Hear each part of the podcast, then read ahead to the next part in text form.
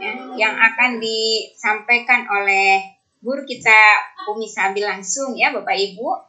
Dan materi pas hari ini oleh Ibu Indria Sari dengan uh, tema support system ya, menjelaskan tentang support system kita di HNI. Serta nanti produk talk kembali kepada Umi Sabil ya. Baik, uh, sebelum kita mulai sama-sama mari kita baca doa mau belajar ya Bapak Ibu dan siap dengan uh, seperti gelas kosong ya supaya bisa menerima ilmu dengan uh, sempurna. Baik, mari kita sama-sama baca doa sebelum belajar ya. Bismillahirrahmanirrahim. Raditu billahi rabba wa bil islami dina. Rabbi zidni ilma warzuqni fahma. Amin ya robbal alamin. Ya Allah, berikan kepada kami hari ini kejernihan hati sehingga mampu menyerap kebaikan-kebaikan di dalam belajar hari ini. Baik Bapak Ibu semuanya sudah siap ya? Dengan demikian saya persilahkan kepada Umi Sabil untuk menyampaikan materinya hari ini. Tafadhal Umi. Jazakillah khair. Assalamualaikum warahmatullahi wabarakatuh. Waalaikumsalam warahmatullahi wabarakatuh. Alhamdulillah alamin. Allah pertemukan kita dengan kondisi insya Allah sehat, walafiat, keberkahan yang Allah limpahkan hari ini atas izin Allah kita bisa silaturahim pada agen HNI di mana saja berada yang hari ini menjadi bagian dari KHT online angkatan kedua. Ini keberkahan yang tak terhingga buat kita. Kita tergabung dalam forum Tolabul Ilmi untuk meningkatkan kesejahteraan umat. Insya Allah kalau Bapak Ibu hari ini belajar sungguh-sungguh dan dicatat betul-betul, maka mudah nanti untuk menjadi bahan penyampaian kembali. Karena ilmu yang bermanfaat akan lebih baik kalau dimanfaatkan. Salawat dan salam kita curahkan kepada baginda Rasulullah Muhammad Sallallahu Alaihi Wasallam. Allahumma salli ala sayyidina Muhammadin wa alihi wa sahbihi salim. Kemudian kita selalu bersolawat setiap hari, setiap detik waktu kita. Semoga kelak kita mendapat syafaat dari Rasulullah SAW. Amin. Ya Rabbal Alamin. Bapak Ibu, kali ini materi yang akan Umi bawakan yaitu herbalogi. Saya beri waktu untuk membuka diktat. Membuka diktat dan menyiapkan pulpen serta bukunya. Selama Umi ngisi nanti ada waktu di mana Umi akan menutup audio karena Umi akan mendetailkan jadi agar Ibu tidak fokus dengan Umi tapi fokus dengan suara. Ada waktu nanti di mana Umi akan matikan audio Umi jadi Umi akan fokus dengan suara agar Bapak Ibu fokus menulis ya. Nah, nanti ada di mana Umi akan membuka audio bagaimana Umi tunjukkan produk-produk, herba-herba, cara-cara. Dan nanti juga uh, di sesi pertemuan kali ini tetap Umi akan memberikan produk top. Nah, itu nanti peragaannya dan sekaligus penjelasannya. Jadi di materi herbalogi ini kalau audio Umi matikan itu karena Umi ingin Bapak Ibu detail fokus dengan menulis. Baik, sudah siap untuk membuka lembaran-lembaran modulnya hari ini adalah herbalogi. Memahami herbalogi sesungguhnya kita sedang mendekat kepada Allah sedang membaca dan melihat ayat-ayat kauniyah. Jadi kalau ayat kauliyah itu yang Bapak Ibu baca dalam Al-Quran, yang Ibu hafal, yang Ibu jadikan bacaan dalam sholat, itu ayat-ayat kauliyah. Tapi yang kita pegang, yang kita gunakan, yang kita rasakan, yang kita jadikan alat hidup itu ada ayat-ayat kauniyah. Yang akan kita bedah hari ini ayat kauniyah yang berupa tumbuhan dan hewan, ya. Tumbuhan, hewan itu ayat-ayat kauniyah yang hari ini akan kita kupas tuntas insyaallah. Bapak Ibu uh, di dalam awal diktat herbalogi Bapak Ibu sudah dipersembahkan ayat dalam Al-Quran surat Al-Basa yaitu ayat 24 hingga nanti 32 ya. Bismillahirrahmanirrahim. Maka hendaklah manusia itu memperhatikan makanannya. Bapak Ibu kita manusia ini diminta Allah memperhatikan. Ketika kita memperhatikan makanan, mari kita telaah sedikit dari bagian ini. Yang pertama, bagaimana cara kita mendapatkan makanan itu? Apakah caranya halal? Perhatikan itu.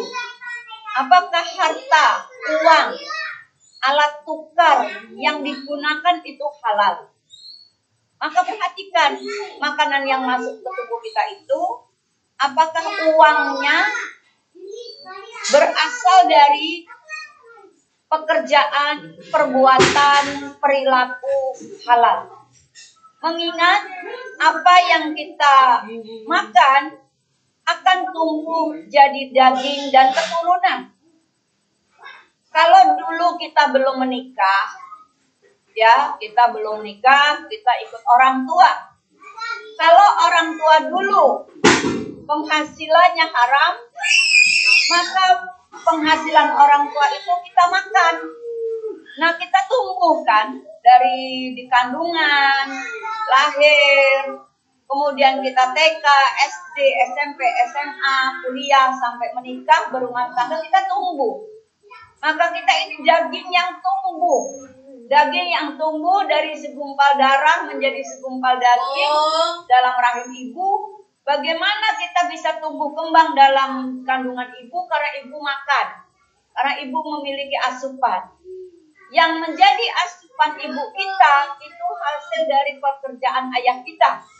Apakah ayah kita penghasilannya halal atau haram? Maka itu yang akan di nafkahkan kepada istri dan akan dijadikan rizki makanan bagi keluarga. Maka Allah meminta ini perhatikan.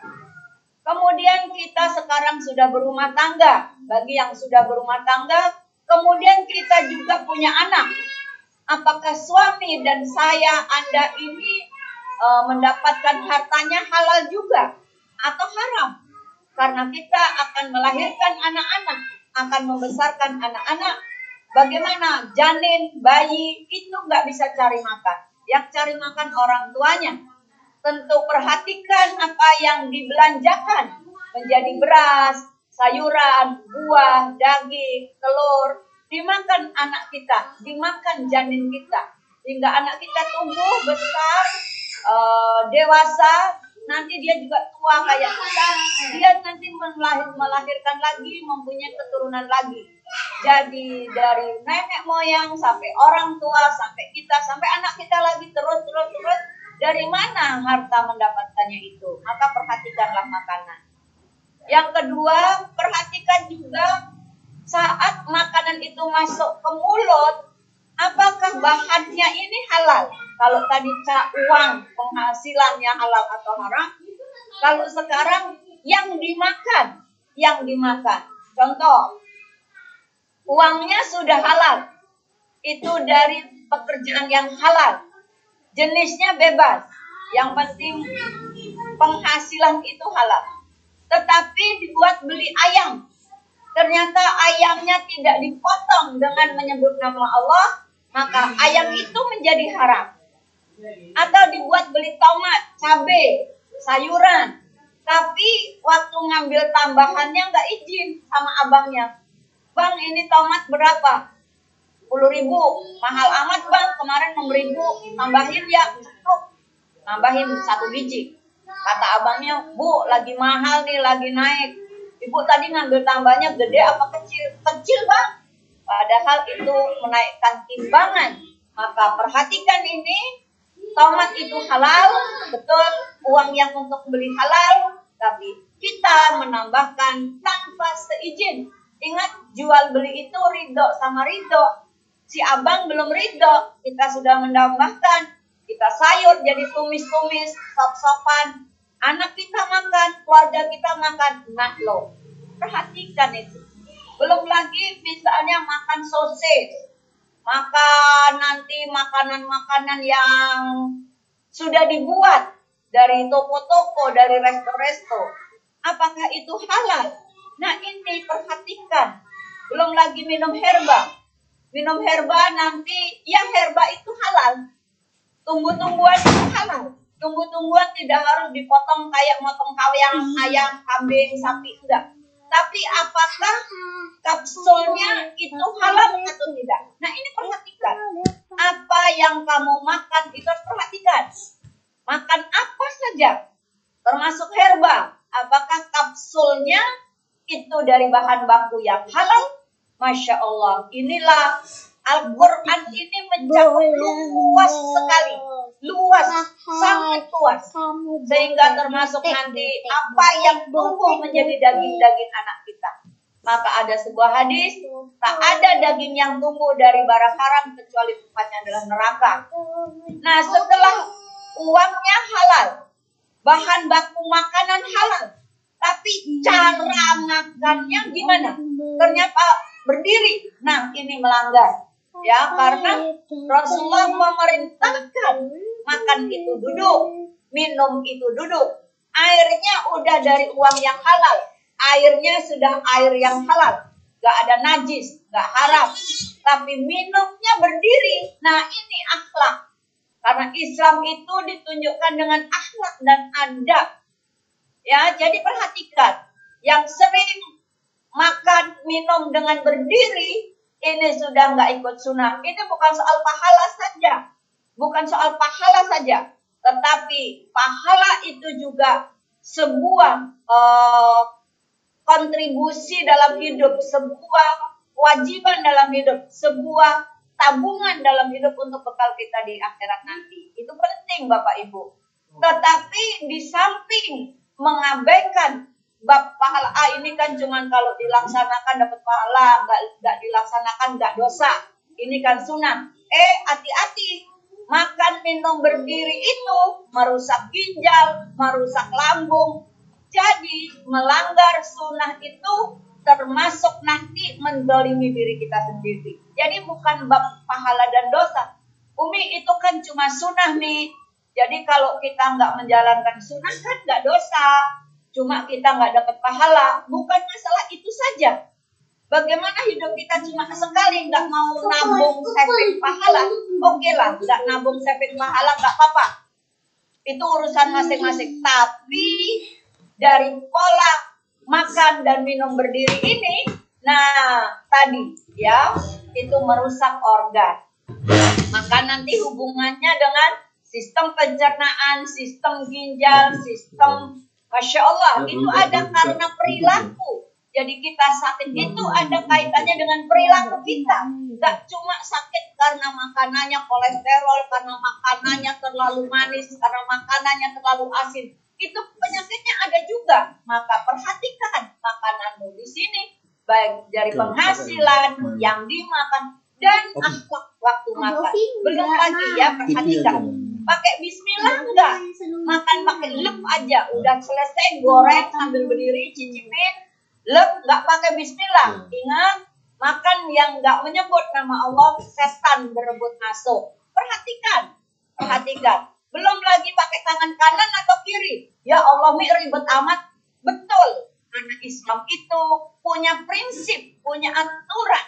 Karena surga itu tidak mudah bagimu. Maka di sini Allah meminta kita perhatikan makanan dari penghasilannya, kemudian bahan baku yang dimakan, cara makannya. Duduklah, jangan lagi berdiri. Makan minum tuh duduk. Gunakan kanan karena berdiri merusak organ, udah nggak dapat pahala lagi. kemudian kalau nggak duduk, nah organ lagi rusak, ya. Kemudian kalau pakai tangan kiri, udah setan lagi yang makan karena setan pakai tangan kiri, ya, memperbanyak, memperbanyak penyakit dari roh, penyakit dari jasad. Makan berdiri, makan yang nggak duduk itu penyakit jasad, makan tangan kiri itu penyakit roh karena banyak sekali nanti gangguan-gangguan setan yang sulit dikendalikan. Kemudian nggak baca basmalah, di mana syukur kita pada Allah? Kita nggak punya rasa syukur pada Allah. Udah dikasih makan gratis, Bagaimana nggak gratis? Kita nggak bisa bikin kacang, kita nggak bisa bikin tomat, kita nggak bisa bikin cabai, kita nggak bisa bikin air, kita nggak bisa bikin sayur, kita nggak bisa bikin buah, kita nggak bisa bikin ubi, tapi nyebut nama Allah Bismillah aja berat. Allah lupa sekali sekali Senin, sekali Selasa, sekali Rebu, sekali Kamis, sekali Jumat, pagi, siang, sore lupa terus. Maka di situlah kita disebut sama Allah syukur, ya, tidak bersyukur itu syukur. Kemudian perhatikan makanan ini bagaimana nanti cara makannya, ya, cara makan. yang benar adalah saat makan jangan sambil minum. Jadi minum itu sebelum makan ya. Sebelum kita memasukkan nasi, sayur ke mulut, kita udah minum dulu baru kita memasukkan makanan. Maka di sinilah perhatikan makanan. Kita bedah nanti sampai tingkat 13. Itu baru satu ayat dan itu belum tafsir yang sangat berat. Ini baru sekilas tentang makan, perhatikan makan. Kemudian dalam ayat 25 Allah berfirman, Kamilah yang telah mencurahkan air melimpah dari langit. Kan kita sudah disiram oleh Allah tumbuh-tumbuhan.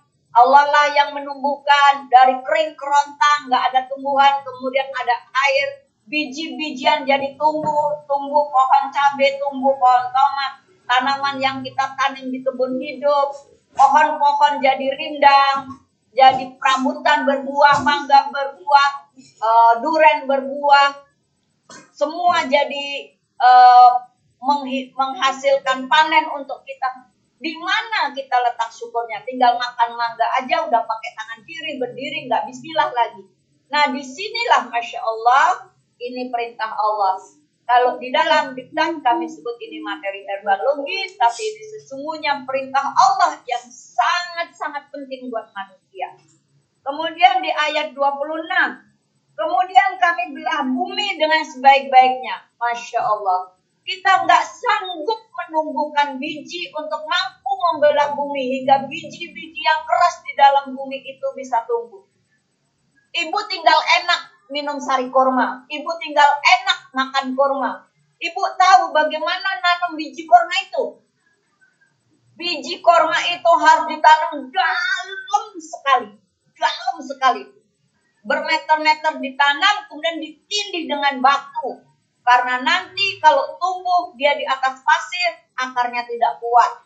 Jadi untuk kita bisa makan korma, korma itu tumbuh dulu uh, ber tahun-tahun, kemudian baru berbuah, dan untuk menanamnya di dalam pasir yang sangat dalam dan harus ditindih batu.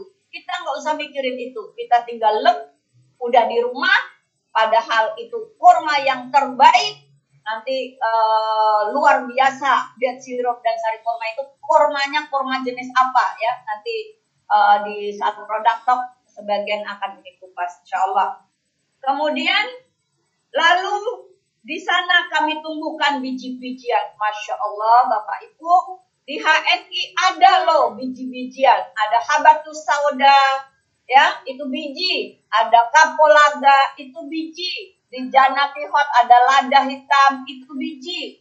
Ada adas, itu biji. Kemudian ada biji zaitun, biji tin, itu juga biji. Masya Allah, Bapak Ibu.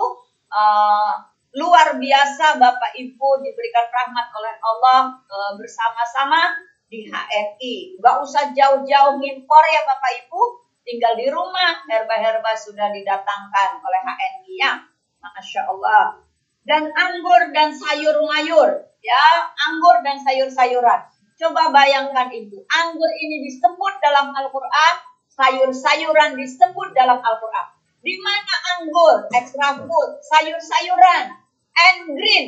Nah, ibu perhatikan di and green ada daun katuk. Ya, ada daun katuk. Ibu kalau puasa beli cincau, di and green ada cincau. Nah, di and green ada cincau, ya. Nanti kita bedah cincau itu untuk apa. Ya, kemudian kita juga punya sayur-sayuran, ada kemangi, Ya, kemangi itu di engrit, diharumi, ya, masya Allah. Dan kita punya daun yang dimakan ulat sutra. Itu kalau di daerah itu bisa dipakai untuk obat, sayur kita pun pakai, yaitu ada di steam fiber. Dan kita punya lidah buaya. Bapak Ibu kalau sering ke Kalimantan, di sana ada daerah yang tumbuh lidah buaya besar-besar di Pontianak, ya Umi kalau ke Pontianak pasti pulang dioleh-olehi itu lidah buaya manisan. Ibu-ibu juga sering bikin kan dan ada yang jual. Maka betapa nikmatnya kita di HNI kita bisa konsumsi lidah buaya di mana? Di biosir ya, di Engreen, di steam fiber, masya Allah. Dan ada lagi lidah buaya jadi obat, yaitu di hibis ya pembalut hibis kita kenapa kempes ya waktu kering tuh hibisnya tipis sekali. Kenapa setelah uh, kena basah hibis kita jadi gendut, jadi melembut, jadi besar karena itu ada ekstrak lidah buaya. Nah, kita nanti akan bedah apa manfaat lidah buaya. Kemudian di dalam surat ayat 29 Allah berfirman dan zaitun dan pohon kurma. Masya Allah bu, ibu minum zaitun, zaitun itu hanya tumbuh di jazirah-jazirah Arab. Dari jazirah-jazirah yang di sana panas, terik, pasir. Dan Masya Allah Bu, untuk nunggu buahnya tuh setahun sekali. Di Indonesia tumbuh, tumbuh subur, tapi buahnya belum tentu ya. Karena perlu panas yang terik. Mungkin kalau di Indonesia ada yang panas, terik, tapi juga ada dinginnya, itu akan bisa berbuah. Kabarnya di Jawa Timur banyak pohon e, zaitun, pohon kurma yang berbuah. Kalau pohon tin di sebelah BC saya juga tumbuh pohon tin dan buahnya juga banyak. Mungkin Bapak Ibu juga punya. Ya, zaitun, kurma. Jadi kalau Bapak Ibu konsumsi zaitun, kurma, anggur, sayur-sayuran itu melaksanakan ayat-ayat Allah, melaksanakan perintah Allah dalam Al-Quran surat Abbas saya salah satunya. Kemudian dan kebun-kebun yang rindang disebutkan oleh Allah kebun. Mari kita ke kebun Bapak Ibu. Di kebun ada apa? Ada pohon sirsak. Di punya. Bapak Ibu tahu pohon sirsak untuk apa? Pohon sirsak itu untuk cancer. Dan dia punya kemampuan 10.000 kali lipat kemoterapi. Itu penelitiannya sudah banyak. Dan di kebun ada sayuran, ada daun katuk. Kita punya daun katuk di Engreen. Dan di kebun ada temulawak. Kita punya temulawak di Magapit. Di kebun ada uh, blingo, ada bangke. Kita punya, yaitu di Langsingit. Ya. Di kebun ada jahe, kita punya jahe. Kita punya jahe di terus om, kita punya jahe di tujuh elemen. Di kebun ada pohon mengkudu, kita punya pohon mengkudu ya. Buah mengkudunya kita ambil, uh, kita jadikan minuman yang sangat enak yaitu tujuh elemen. Kemudian ada pohon kayu manis ya, kita punya herba kayu manis yaitu di Jannati, kol. Di kebun ada pohon bidara, kita punya herba yang ada daun bidara. Masya Allah, kita di HNI mengaplikasikan Bapak Ibu, mengaplikasikan Al-Quran, yaitu menjadikan herba yang disebutkan dalam Al-Quran, yang disebut betul seperti bidara, shidur ya, jahe. Jahe itu disebutkan dalam surat Al-Insan ayat 17 surat Al-Insan ayat 17 Allah menyebutkan nanti penghuni surga itu diberi minuman jahe tapi Allah maha pengasih Allah maha penyayang di dunia mau dosa kita banyak mau kita orang yang nggak pernah salat mau kita orang yang malah melawan Allah, mau yang beriman, mau yang bertakwa, semua dikasih jahe di dunia ini. Hanya nanti bisa jadi jahe yang di surga itu berbeda Bapak Ibu sekalian. Tapi di dunia kita di dapur punya jahe. Nah, diangkat jahe ini di HMI menjadi herbal. Ada di terus on jahe merah, ya, ada di teh sentela jahe merah, dan ada di tujuh elemen jahe merah. Masya Allah. Ya, jadi orang-orang yang minum jahe itu nanti hanya yang masuk surga. Tapi di dunia, apa pun perilakunya boleh bisa minum jahe. Masya Allah, tabarakallah. Kemudian Allah menyebutkan di sini adalah dan buah-buahan serta rerumputan. Buah-buahan, Masya Allah. Kurma itu buah. Zaitun itu buah. Kita punya buah manggis, kita ambil kulitnya. Ada di mana? Ada di extra food dan ada di kopi tujuh elemen. Buah, kita punya buah bilberry, ya, ada di kelosin, ada juga di bilberry. Buah, kita cantumkan komposisi produk-produk kita dengan buah. Extra food kumpulan buah. Extra food, Masya Allah dan lebah-lebah yang di muka bumi ini mengambil dari nektar-nektar bunga yang kelak menjadi buah, menjadi madu. Masya Allah, kita memiliki berbagai macam madu. Ada madu multiflora. Multi ini banyak flora itu tumbuh-tumbuhan. Ya, Masya Allah. Maka semua itu di surat 32, di ayat 32, semua itu untuk kesenanganmu dan untuk hewan-hewan ternakmu. Tadi di ayat 31 rerumputan. Tulis Bu, rerumputan ayat 31. Ada apa dengan rerumputan? Tulis karnokap. Karnokap ada rumput mutiara. Ya, Rumput itu Bu, rumput mutiara itu tumbuh di semak, di belukar ada. Kemudian ada umbi dewa, itu rumput juga. Ya. Nah, kemudian di ginextra. Ginextra ada rumput tapak liman, rumput meniran. Kalau orang Sunda teh jukutnya. Jukut. Kalau orang Jawa jukut tuh ngambil. Kalau orang Sunda Jukut tuh rumput ya, rumput tuh jukut. Jukut pendul, jukut teki ya. Rumput. Di Guinness itu banyak sekali rumput. Tapak liman, meniran, ciplukan, pegagan. Pegagan itu rumput. Kita melaksanakan surat abasa. Kita mengambil rumput yang Allah ciptakan. Allah menyebut rumput tentu ada sesuatu ternyata rumput itu bisa menjadi obat bagi manusia. Rumput pegagan itu rumput, meniran itu rumput, tapak liman rumput. Kemudian uh, ada lagi tempuyung. Kita juga mengambil tempuyung bikin ekstrak itu rumput. Kemudian di kopi tujuh elemen itu ada rumput disebut ki urat. Kalau di Sunda teh ki urat. Ki ki urat. Namanya aja ki urat. Itu art ki urat.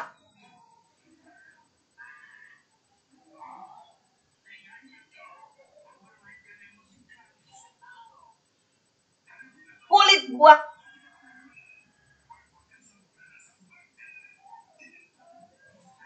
uh, tadi uh, kulit manggis.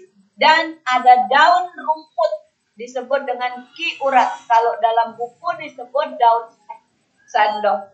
Masya Allah, ibu-ibu ini uh, semua itu kata Allah untuk kesenanganmu dan untuk hewan-hewan ternakmu. Masya Allah. Kalimat hewan ternak Hewan ternak ini mangkat rumput-rumputan. Otomatis hewan ternak itu sehat sekali ya. Nah, semoga uh, Bapak Ibu bisa paham ini. Kambing etawa, kambing etawa. Yang susu kambingnya diambil HMI. Mudah-mudahan Bapak Ibu suatu hari bisa ke sana ya sama Umi Sabil ya. Bapak Ibu akan lihat kambing-kambing etawa yang diternak yang susu kambingnya untuk EGM itu kambing-kambingnya rumputnya dipelihara. Organik. Dan kambingnya diberi rempah herba-herba ada ramuan jahe, kunyit, kencur, dan sebagainya. Jadi, kenapa EGM itu berbeda? Banyak anak-anak dikasih susu kambing yang lain, gak mau. Maunya tetap susu kambing yang dari HNI, karena berbeda.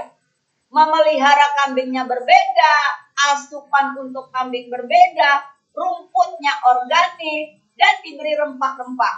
Nanti Bapak Ibu eh, mungkin suatu hari bisa ikut wisata para ikut leader ya untuk melihat pabrik dan ternak-ternak yang dimiliki HPAI HNI ya. PT-nya HPAI kita networknya namanya HNI Bapak Ibu mungkin nanti bisa ke Kudus ya. Di sana kita punya ternak lebah untuk madu multiflora Insya Allah. Nah Ketika Allah menyebut dalam surat Abasa ayat 32 tentang hewan, maka di sini kita punya EGM, susu kambing ya. Dan kita punya dari jenis ikan, ya, dari jenis ikan ada uh, squalen, dari ikan hiu botol, ada gamat, masya Allah ya. Nah inilah yang disebut dengan herbalogi Silakan ditulis. Herbalogi itu ilmu ilmu pengobatan ilmu pengobatan dengan menggunakan herba. Ilmu pengobatan dengan menggunakan herba. Kalau disebut herba itu tumbuhan. Tapi kalau ada huruf L herbal. Jadi kalau herba itu tumbuhan yang berkhasiat obat. Jadi kalau herba itu tumbuhan yang berkhasiat obat. Tapi kalau herbal ada L-nya, maka itu seluruh yang di muka bumi ini baik hewan, ikan, semua yang bisa jadi obat. Maka kalau herbal ada huruf L maka itu artinya seluruh yang di muka bumi ini termasuk garam. Nanti kalau ibu tahu yang namanya garam bukit, garam bukit, garam bukit itu ada di produk kopi tujuh elemen Bapak Ibu. Jadi di kopi tujuh elemen itu kalau ada uh, asin-asin, nah itu jangan curiga upil ya.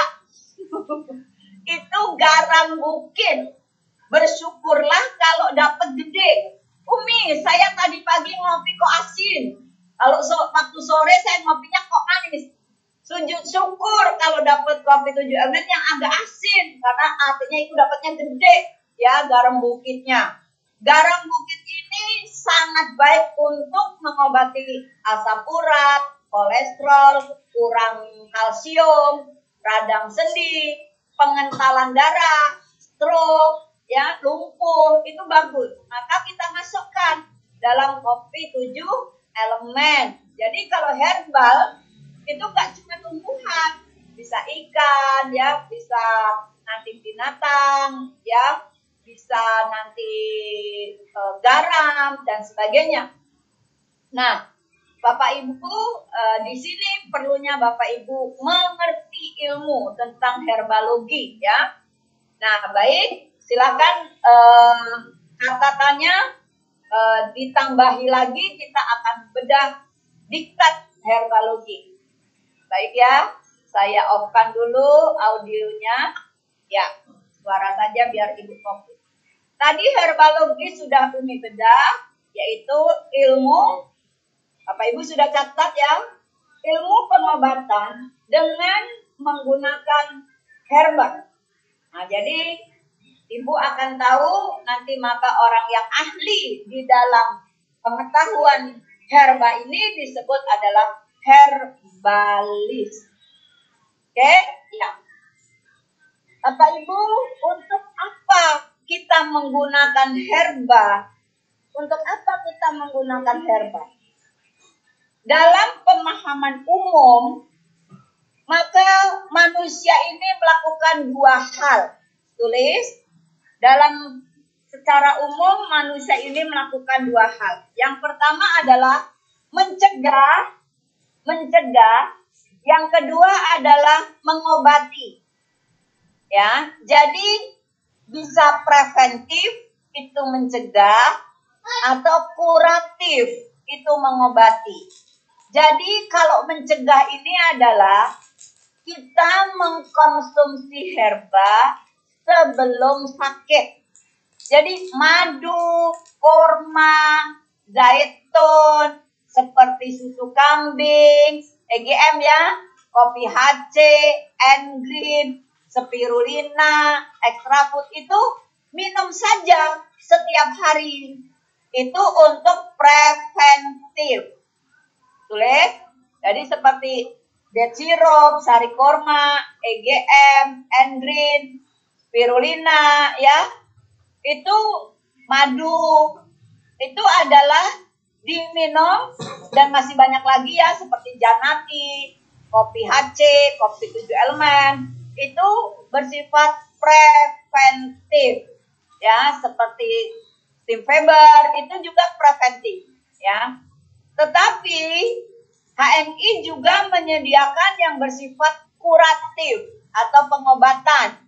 Silakan ditulis diabextrak ya untuk diabetes Ginextrak, permasalahan pada ginjal, Magafit, permasalahan pada sistem pencernaan. Jadi jangan lambung aja, jangan rumah aja, ya. Jangan nunggu, wah ini sakit mah. Jadi semua masalah sistem pencernaan sampai masalah liver, hepatitis, ya sirosis itu gunakan Magafit. Kemudian nanti ada masalah cancer ditambahkan dengan karnoka. Dan masih banyak lagi ya. Tapi kalau di sekua itu ya, di sekua itu preventif. Sebelum sakit, sedang sakit, sudah habis dari sakit, itu minum aja. Jadi di HNI menyediakan herba preventif dan herba kuratif ya. Kemudian apa tujuan menggunakan herba? Satu, silakan ditulis. Tujuan menggunakan herba adalah untuk membantu penyembuhan. Ya. Untuk membantu penyembuhan dan meningkatkan sistem imun. Jadi kenapa kita harus minum herba? Yang pertama adalah membantu penyembuhan. Tadi kan Umi udah bilang bahwa herba itu ada yang bersih, bisa untuk preventif, pencegahan, dan bisa untuk kuratif pengobatan.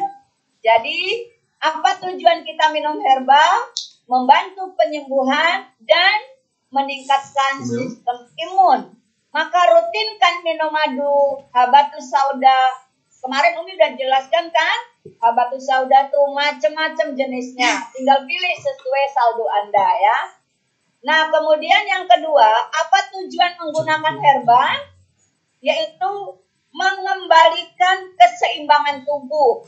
Umi, saya lemes, gak ngapa-ngapain capek, kok saya pusing, kok saya gemeter, kok saya udah makan tapi bawaannya saya masih lemes, saya banyak istirahat, banyak tidur, kok saya masih ngantuk terus.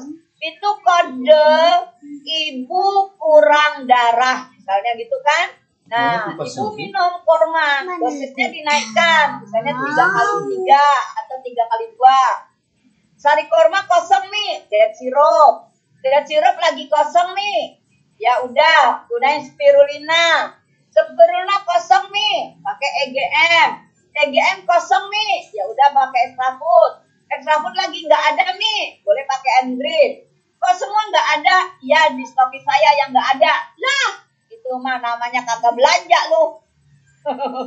ya. Iya. Kalau kosong itu dari pusat. Kalau stokis kagak ada itu namanya kagak belanja. Ya nah, jadi iya. apa tujuan herba? Yang pertama, hmm. membantu penyembuhan, meningkatkan sistem imun. Yang kedua, mengembalikan keseimbangan. Jadi kalau udah lemes, oleng, lesu, letih, lelah, lunglai, letoy, ah, itu maka perlu herbalnya dinaikkan dosis. Gunakan herba-herba yang bersifat menaikkan imun. Ya, misalnya rosella pakai madu. Nah, itu mantap tuh. Atau kelosin dibuka. Kelosin tiga dibuka, campur madu, minum. Pakai air hangat. Itu langsung jreng. Cucian, gosokan, oh, pel-pelan kelar semua. Kalau perlu bantu tetangga, ya enggak? nah, kemudian tujuan yang ketiga apa? Mengatasi kekurangan zat makanan. Umi, ibu saya udah susah nelen makanan. Nah, itu bantu dengan herba. Umi, anak saya lagi males makan. Bantu dengan herba. Umi, anak saya susah banget kalau suruh makan sayur. Bantu dengan herba. Umi kalau anak-anak sama lansia minum herbalnya gimana? Bisa gamat, campur ke nasinya. Kalau bayi ya, anak-anak, lansia, kan ibu-ibu usia 70, bapak-bapak usia yang udah 80 kan susah makan kapsul. Buka aja. Gamat, spirulina, endrin, itu bisa dibuka. Misalnya emak kita perutnya melilit, nggak enak, ya udah, magabiknya campur aja ke ke dalam nasinya ya. Ibu-ibu bisa loh kalau bikin pepes bikin pepes. Udah nggak usah ngulek kunyit pakai aja magavit ya. Uh, enak tuh pepesnya ya. Ya jadi uh, herba-herba kita itu sangat mudah menggunakannya. Bisa untuk anak-anak. Misalnya anak-anak nggak suka sayur kasih aja endrin kasih aja spirulina. Anak-anak nggak suka lauk susah banget makannya lambat kasih aja di nasinya. Itu gamat misalnya gitu ya. Ah kalau mau mau bikin kue mau bikin makanan pakainya EGM kemudian goreng tempe apa goreng pisang misalnya goreng pisang goreng singkong. Kasih toppingnya itu extra food toppingnya sari kurma. Ibu-ibu sekarang gak usah beli kecap. Kecapnya ganti pakai sari kurma dan sirup ya. Jadi jadikan kebutuhan untuk uh, Iya, copot ya. Waduh, ya bapak mati juga. Bapak mati juga nih, kenapa sampai Eh, mati itu? Suaranya? Hah?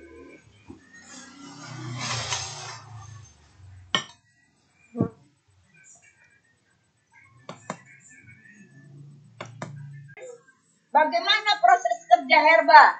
Umi, kenapa ya kalau minum herba itu kelihatannya lambat? Bukan lambat, Bu. Ya, tulis. Empat langkah kerja herba. R1. R1. R1 ini disebut release. Ibu kemarin sudah belajar sama Bu Merita detoksifikasi Ibu kemarin belajar sama Umi Sabil materi detox. Dari mulai produk tok sampai Umi tambahin tuh penjelasan. Detox ginjal, detox usus, detox darah biar jantung sehat, detox liver, detox limpa. Itu disebut nih sekarang nih R1, rilis. Artinya apa rilis? Ibu lihat buku ya, lihat buku ya lihat tuh bukunya. Itu rilis tuh artinya mengeluarkan racun. Umi, saya minum kopi tujuh elemen kok kencing saya banyak, bau bau banget. Maka minum kopi tujuh elemen karena ada daun sendok, ibu urinnya terbuang ya dan ginjalnya jadi bersih. Nah, pembuangan racun itu lewat tipis. Umi saya minum biosir kok kotoran saya jadi banyak, jadi serem dah.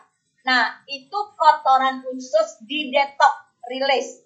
Umi saya minum kopi tujuh elemen keringat saya jadi bau banget. Maka racun di bawah kulit dibuang lewat keringat. Umi saya minum kopi tujuh elemen kentut terus, sendawa terus. Nah itu uh, asam lambung keluar ya dari tuh nanti angin berjut. Nah, itu disebut rilis. Jadi contoh ibu makan pepaya banyak. kalau makan pepaya ibu jangan bilang mencret, tapi ibu bilang detox. Karena apa? Pepaya itu melancarkan buang air besar. Nah, yang kedua, relax. Umi saya minum bioset dan saya praktekin kemarin pakai madu. Ya Allah, ini kotoran saya banyak. Habis itu saya plong. Nah, plong itu relax. Umi saya pak bikin EGM saya kasih prokumin. Ya Allah saya dahaknya keluar. Oh, terus lendirnya keluar.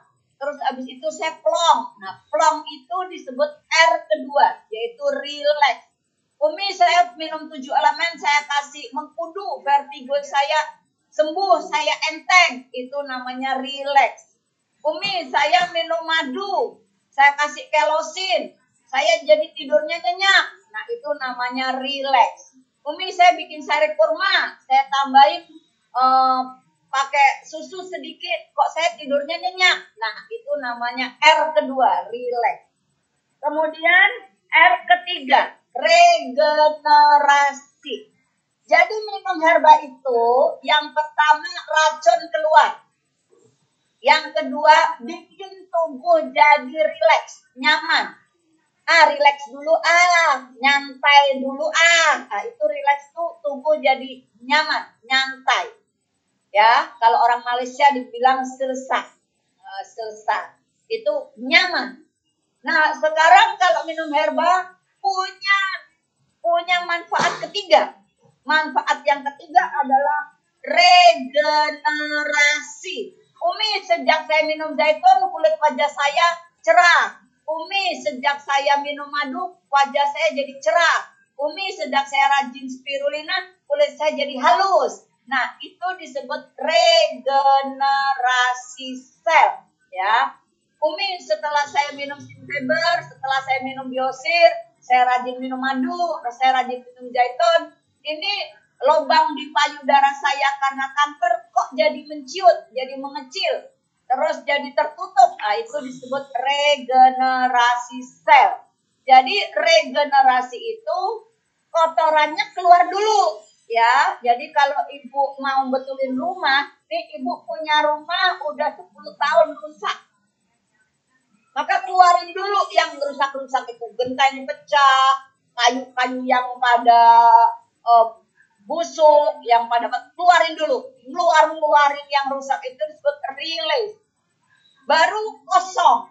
Udah kosong tuh yang pecah-pecah gentengnya yang kayu-kayu patah udah nggak ada relax. Baru ibu betulin pasang yang baru itu disebut regenerasi. Nah setelah yang kotor dikeluarin yang rusak dikeluarin uh, cat-cat yang rusak-rusak dibersihin maka kelihatan kosong relax maka ada perbaikan tubuh kita perbaikan itu disebut regenerasi maka kalau perbaikannya udah selesai, udah selesai nih perbaikannya, tubuh kita kelihatan bagus lagi. Rumah ibu nih yang rusak, kotorannya udah dibuang, rongsokannya udah dibuang, udah ditata kembali bangunan barunya, maka rumah itu kelihatan cakep lagi. Maka tubuh kita cakep lagi. Itu disebut refunction, kembali semula. Umi, uh, saya dulu waktu belum HPA, muka saya katanya tua ya. Sekarang saya rajin minum zaitun, rajin minum madu, rajin minum spirulina, rajin pakai facial wash, kok muka saya jadi muda? Nah itu kembali semula. Dulunya kita muda, emang kecil kita tua, ya kan? Dulunya kita muda, tapi karena tidak terpelihara, jadi nampak ketuaan. Sekarang kemudaan. Nah itu disebut regenerasi kemudian regeneration. Alhamdulillah ya, itulah manfaat minum herba. Empat manfaatnya. Kerja herba empat. Oke, kemudian prinsip menggunakan herba. Nah, jadi sering saya bilang herba panas, herba dingin, ya Bu. Daun-daunan itu rata-rata herba untuk mendinginkan. Atau Ibu kemarin saya ajari ya, Madu dulu baru air mendinginkan tubuh. Air dulu baru madu menghangatkan tubuh ya. Nah, nanti Ibu lihat aja herba dingin dan herba panas. Ibu tinggal lihat buku, plek plek plek lihat buku, nanti akan dimutabaah di kelas ya. Kemudian rukun penyembuhan. Yang Umi akan jelaskan adalah rukun penyembuhan. Rukun penyembuhan ini ibu kuncinya yakin. Jangan yakin sama obatnya. Jangan yakin sama herbalnya. Yakin sama Allah. Yakin sama Allah bahwa Allah sesungguhnya yang menyembuhkan. Surat Ash-Shu'ara. Apabila kamu sakit, Allah yang menyembuhkan. Nah, kemudian bagaimana nanti kalau kita minum herba? Ibu, kalau kita minum herba, ada namanya DOC. DOC itu artinya tanda-tanda tubuh kita mau sembuh. DOC itu artinya tanda-tanda tubuh kita mau sembuh. Contoh, kalau ibu minum kopi tujuh elemen, pipisnya bau, keluar dahak, keluar sendawa, itu namanya DOC. Gak apa-apa bu, itu bagus. Minum air putih aja yang banyak, nanti pipisnya jadi sampai putih, sampai bersih. Kemudian nanti yang kemarin pegelnya di leher, pegelnya jadi ke pinggang. Minum terus herbalnya, banyak minum air putih, nanti pegelnya jadi di betis, nanti lama-lama hilang. Minum biosir, Umi saya minum biosir sama Sena kok saya BAB-nya sehari tiga kali bagus, kotorannya tuntas, nanti lama-lama tinggal sekali, ya. Jadi proses DOC itu kuncinya Bu, tulis. Bila terjadi proses herba tanda sembuh, minum air putih yang banyak Contoh, orang yang minum mustika darah keluar lendir, keluar gumpalan, maka minum putih yang banyak. Ya. Kemudian dosis, dosisnya bisa dinaikkan waktu pengobatan. Nanti mau sembuh, dosisnya diturunkan. Jadi kalau mau lagi pengobatan, mula-mula dosis rendah. Kemudian dosis naik, nanti mau sembuh dosis turun. Jangan bilang, Umi saya udah sembuh, udah ah. Jangan, prosesnya diteruskan dengan dosis menurun. Nah ya, kemudian yang perlu Ibu perhatikan adalah cara mengkonsumsinya. Kemarin Umi udah ajari, bisa disinergi, misalnya kelosin sama madu, rosella sama madu ya. Misalnya kopi tujuh elemen tambahin manggafit, kopi tujuh elemen tambahin harumi, itu sinergi, itu mempercepat kesembuhan. Kemudian yang perlu ibu perhatikan adalah ibu jangan lupa rumusnya. Silahkan ditulis. Rumus konsumsi herba. Tulis. Satu, hewani.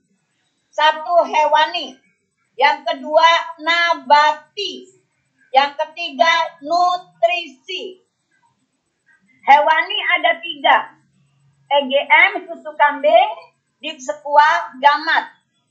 Jadi selain susu kambing, gamat, dipsekua adalah nabati, and green, uh, kemudian sena, janati, itu semua nabati. Harumi, magafit, karnokap, habat diabexrak, ginexrak, uh, kelosin, andrografis, itu nabati. Kemudian nutrisi.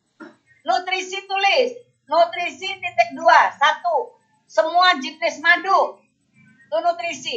Semua yang kurma, itu nutrisi. Kemudian susu, itu masuk juga ke nutrisi. Spirulina, itu nutrisi. Jadi spirulina, semua jenis madu, semua jenis kurma, itu nutrisi. Masya Allah ya, nah, luar biasa. Maka kalau meresepkan, kuncinya ada tiga unsur. Hewan, nabati, nutrisi. Maka konsep ini disebut PGS. Tulis konsep PGS. Pola gizi seimbang. PGS. Pola gizi seimbang. Baik, kemudian waktu mengkonsumsi. Ibu kalau herba itu rata-rata sesudah makan. Kalau herba itu sesudah makan ya.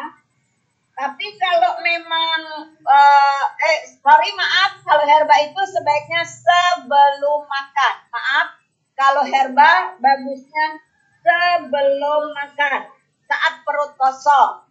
Minimal ya 30 menit lah sebelum makan. Bagusnya sih satu jam sebelum makan.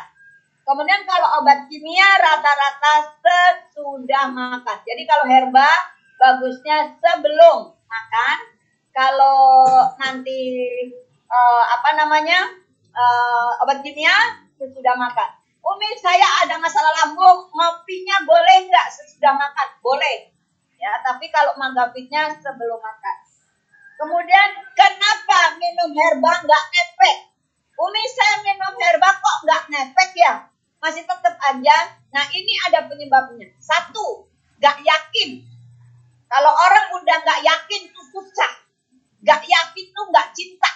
Kalau orang udah nggak cinta, mau diapa-apain ya nggak cinta. Susah. Maka yakin dulu, cinta dulu. Yakin ke siapa? Cinta ke siapa? Ke Allah. Kalau udah yakin dan cinta kepada Allah, bahwa semua yang Allah ciptakan itu nggak sia-sia, insya Allah sembuh. Karena itu janjinya Allah. Dalam surat Asy'ara yang kemarin waktu pembukaan dibacakan sama Pak Namin, apa Allah berfirman? Setiap penyakit apabila kamu sakit, Allah yang menyembuhkan. Yakin nggak sama Allah? Yang kedua, tadi di surat Abasa, Allah yang menumbuhkan, Allah yang menciptakan anggur, zaitun, kurma, rumput yang di kebun, yang dimakan binatang ternak, Allah. Jadi kalau udah nggak yakin sama Allah, udah nggak cinta sama Allah, Allah nggak ridho. Maka kalau minum herba itu kuncinya yakin sama yang menciptakan. Yakin sama yang menyembuhkan. Karena herba cuma syariat. Ibu makan terus. Tapi ibu nggak kenyang-kenyang. Karena kenyang itu berkah dari Allah. Saya makan apa aja kok nggak kenyang ya? Itu sama dengan saya minum herba apa aja kok nggak sembuh. Karena ibu nggak tumak ninah. Nggak tumak ninah. Ibu nggak ikhlas. Jadi kunci pertama tumak ninah. Ketenangan. Mutmainah ya tumak nina itu kita merasa bahwa semua ini perintah Allah. Maka kita lakukan dengan baik. Sholat itu harus dilakukan dengan tumak nina. Jangan buru-buru. Jangan gabrak gubruk. Jangan pengennya sekarang minum, sekarang sembuh. Emang makan tempe goreng, sekarang makan, sekarang kenyang. Itu aja bilangnya saya udah makan tempe goreng, saya udah makan cendol, saya udah makan uh, kue kok nggak kenyang-kenyang karena belum makan nah, kan tadi makan nah jadi nggak kenyang itu karena nggak ada keberkahan nah, nggak sembuh juga nggak ada keberkahan maka kalau mau sembuh minta sama Allah. Ya. Maka yakin. Yang kedua jangan sekali minum nggak minum lagi. Jadi harus konsisten atau istiqomah. Ya. Ya Rasulullah istri saya sakit perut minum madu Ya Rasulullah istri saya masih sakit perut, minum madu. Ya Rasulullah istri saya kok masih sakit perut, ya minum madu. Jadi kalau minum herba itu yang pertama yakin, yang kedua adalah konsisten, komitmen, istiqomah terus menerus sampai Allah berikan kesembuhan. Ya, kemudian jangan stres. Jangan kapan sembuhnya kok nggak sembuh, jangan stres. Kalau stres ya gimana mau sembuh? Karena stres itu yang membuat kita jadi hormonnya terganggu. Kemudian kalau kita minum herba, kalau dulu kita minum obat kimia banyak, ya ini proses mengeluarkan racun dulu. Jadi yang dulunya minum obat lama banyak, minum obat darah tingginya bertahun-tahun, minum obat jantung bertahun-tahun, minum obat bertahun-tahun, minum obat mah bertahun-tahun, minum obat sakit kepala bertahun-tahun, itu herba mengeluarkan racun dulu. R1 tadi pilih. Kemudian yang penting di sini adalah minum air putih. Jadi kalau min nggak minum herba, minum air putihnya 12 gelas, maka kalau minum herba harus ditambah air putihnya. Baik, yang Kemudian saya akan masuk kepada yang perlu dibantu dalam mengkonsumsi herba, ya. Jadi kalau nanti Bapak Ibu menangani orang sakit atau ingin meresepkan, maka dahulukan orang-orang ini yang kondisinya lemah. Jadi orang yang lemah, orang yang perlu bantuan cepat itu harus diberi herba diberikan herba nutrisi tinggi. Jadi orang-orang yang kondisinya lemah, anak-anak, tua, penyakitnya sudah lama, dahulukan nutrisi-nutrisi. Jangan obatnya dulu. Dahulukan nutrisi-nutrisi. Madu, spirulina, korma itu dahulukan. Kalau kondisinya udah kuat, baru dikasih obat-obatan. Ya, nah, itu dahulukan. Kemudian bagaimana kita menangani orang sakit dengan lemah lembut, dengan kasih sayang, dengan perhatian, dengan kesabaran, dan yang penting ikhlas. Karena rezeki dari Allah, tenang aja. Nah, terakhir, mari kita pahami apa itu herba dan apa itu obat kimia. Ibu, obat herba itu masuk ke dalam preventif pencegahan. Yang kedua juga bisa kuratif pengobatan. Namun, ibu jangan anti obat kimia. Saya ulangi, jangan anti obat kimia. Karena di dunia ini, apa pun punya manfaat. Tetapi kan nggak bisa buat cemilan ya Bu. Masa ibu mau cemilan obat lambung? Masa ibu mau cemilan obat sakit kepala? Tapi kalau madu, sari korma, ekstra food itu bisa buat sehari-hari. Ah lagi lemes ah, kok lagi bete ah, ah bikin EGM ah, kan gitu ya. Ah lagi rasanya kok uh, boring banget nih, ah bikin teh janati ah, pakai madu jadi jreng gitu kan. Ah ini nunggu temen kok nggak datang datang nih, mana hujan lagi, ah bikin kopi ah, bisa. Tapi kalau obat kimia, ah lagi nggak ngapa-ngapain, bete banget, ah gue minum obat sakit kepala ah, mana bisa. Nah jadi kalau herba itu bisa jadi makanan, bisa juga jadi obat-obatan, bisa juga jadi cemilan, ya kan? Ini lagi lagi ngapain nih ya? Kok rasanya hujan gini? Udah ah, maka bikin adonan tepung, pakai EGM, ya kan? Sebelumnya deh tuh pisang, jadi pisang goreng. Nah, jadi herba itu banyak manfaatnya. Ah, bikin bolu ah, kasih rosella kali cakep ya. Ah, bikin bikin bolu kukus ah, kasih bilberry cakep kali ya. Ah, bikin bolu kukus ah, kasih spirulina. Jadi spirulina bisa jadi pewarna makanan, bilberry bisa jadi pewarna makanan, e, rosella bisa jadi pewarna makanan. Jadi nanti nggak cuma matanya yang cerah, mata pencariannya juga cerah.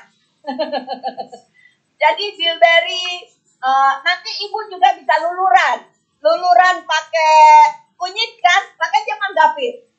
Itu andrografis juga bisa buat luluran, endgreen juga bisa buat luluran. Cakep dah pokoknya. Jadi herbal kita itu gunanya banyak sekali. Bisa buat luluran, bisa buat maskeran, bisa buat cemilan, bisa buat cemilan, cepuluh, jebelas gitu ya. Nah, itulah kira-kira herbal lebih dari ini. Mohon maaf bila belum lengkap, nanti akan dilengkapi oleh Bu Merita di sesi-sesi berikutnya. Sekian dari Misabil. Assalamualaikum warahmatullahi wabarakatuh. Waalaikumsalam warahmatullahi wabarakatuh. Masya Allah. Dan saya nih ilmu yang luar biasa buat kita semuanya Bapak Ibu. Saya sampai sibuk mencatat juga Mi. Apa ya Mi? Ya, Masya Allah dengan herbalogi kita tadi nah, ternyata ini ya herbalogi itu